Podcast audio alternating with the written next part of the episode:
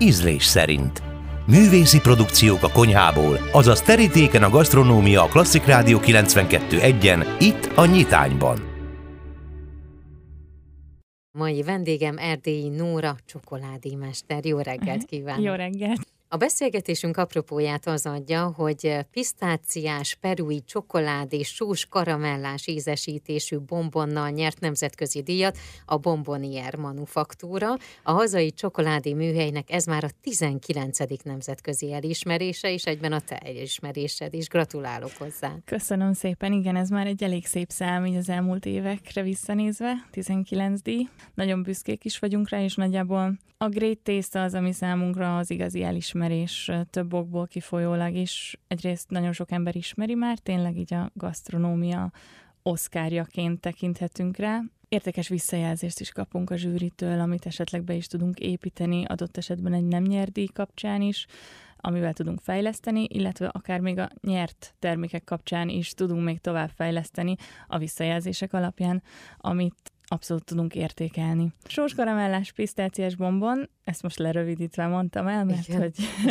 elég összetett. Nagyon sok rétű van egy, egy csokoládés hüvely, belül egy sós karamellás réteg, amit perui csokival forgattunk össze, és került bele egy pisztáciás réteg, ami szintén egy százszerzelékos sziciliai perui pisztáciával készült, és akkor ezt teszi a bombon teljesé. Amit tudni kell, hogy én nagyon szeretem a kontrasztos ízeket, így a sós karamella is van egy sós beütése, nem is picit. Én nagyon szeretem a sós és az édes kombinációját együtt. Tehát lehet, hogy egy picit ilyen meghökkentő hatással bír, viszont a pisztácia és a só az tökéletesen passzol.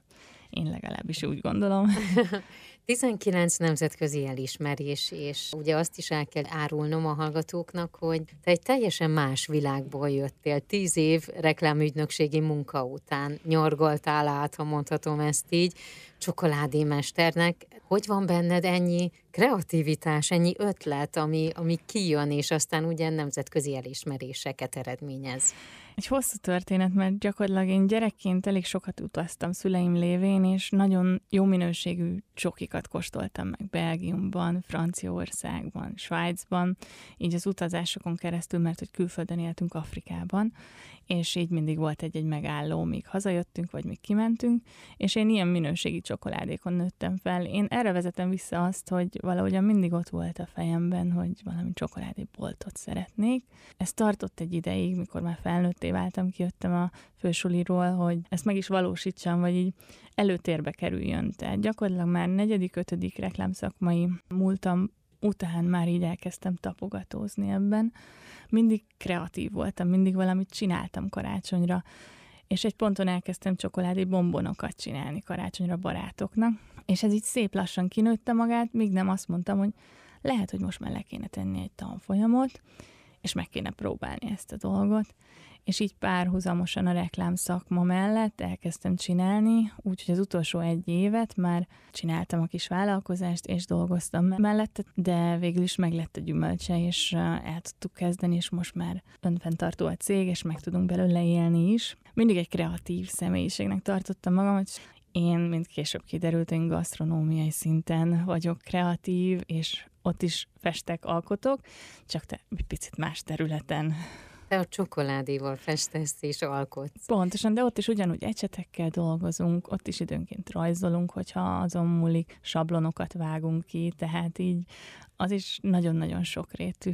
Mi a megfelelő feldolgozott csokoládét keressük, ami, ami tetszik nekünk. Most itt említettük, ugye dolgozunk perui 100%-os csokoládéból, dolgozunk belga csokiból, dolgozunk ekvadori csokiból, tehát rengeteg ilyen akár terroár válogatott csokoládéból is dolgozunk, ahogy beszélsz nekem, az tűnik fel leginkább, hogy az alapanyagok nagyon-nagyon fontosak a te számodra, hogy miből dolgozol. Én egy dolgot vallok, és ez nagyon mindenféle területen, hiszen más termékeket is készítünk, hogy minőségi alapanyagokból dolgozunk. Tehát nagyon nem ronthatunk el semmit, hogyha tényleg az kerül bele, ami. Tehát ha egy fagyiba belekerül a pisztácia, 100%-os pisztácia, akkor az már nem lesz rossz. Lehet, hogy lehet picit módosítani a recepteket, de abban a pillanatban, hogy valami alternatív ízesítő anyag kerül bele, az, ma, az már nem lesz ugyanaz.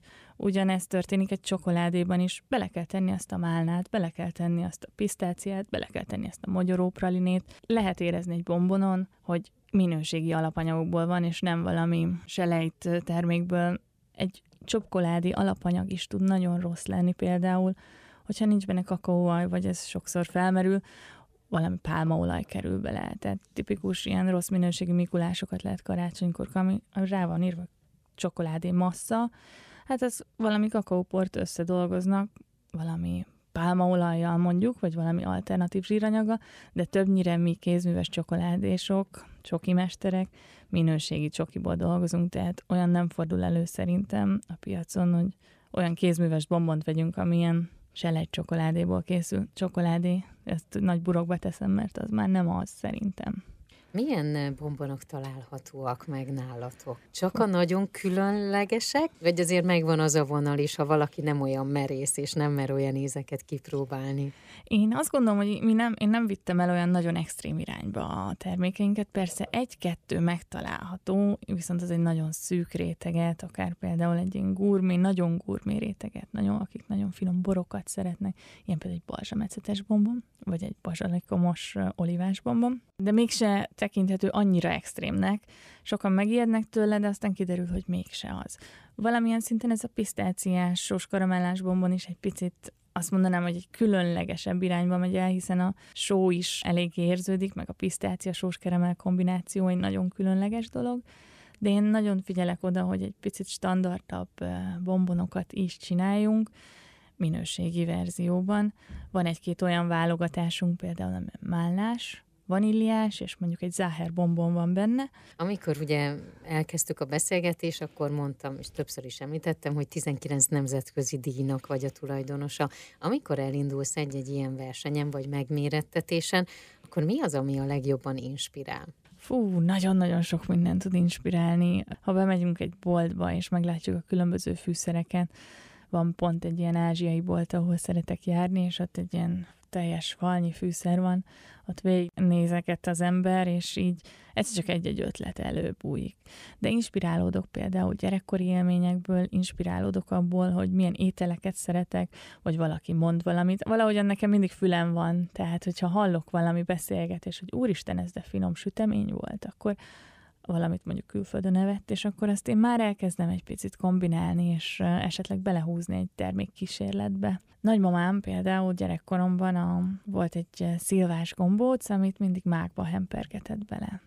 Na most én ezt megcsináltam fagylatban, ezt a kombinációt, nagyon-nagyon szeretik az emberek, tehát egy mákos szilvafagyi, és megcsináltam bombomban is egyébként kísérletképpen, illetve egy vendégnek, aki nagyon szereti a mákot, nagyon finomra sikerült az is. Tehát bármi tud inspirálni, egy beszélgetés, egy étel, akár egy sós étel is, vagy ott egy kombináció. Nagyon-nagyon sok minden felnyitja a szememet, és nem mondom azt, hogy jegyzetelek közben, de időnként így elő-elő jönnek ezek a impulzusok. Azt még elárulom a hallgatóinknak, hogy most, ahol vagytok, az az üzlet, az egy galériával egybekötött üzlet. Milyen kiállítás látható? Ez a üzlettársamnak volt az ötlete, a Tamásnak. Minőségi gasztronómia és a kultúra, az tökéletesen passzol, és két havonta lecseréljük, illetve négy galéria megnyitót eddig sikerült megtartanunk, és most is egy fantasztikus kiállítás van. Külföldi kiállító, de gyönyörű szép képeket fest, ami külföldi inspirálódásokból, illetve még hazai, mert hogy itthon él, belső, gyönyörű szép magyar épületeknek a belső lépcsőházát is megfestette egy-két képén. Tehát picit kultúrát belehoztuk a minőségi gasztronómiába, vagy fordítva, de szerintem egy nagyon különleges dolog az, ami ott létrejött ezáltal látogassanak meg titeket, és bombonsort is kóstoljanak, és tudjanak meg minél több mindent arról, hogy hogyan is készül a magyar bombon. Bizony, bizony. Nagyon izgalmas. Köszönöm szépen. Szívesen. Mai vendégem Erdélyi Nóra, csokoládémester.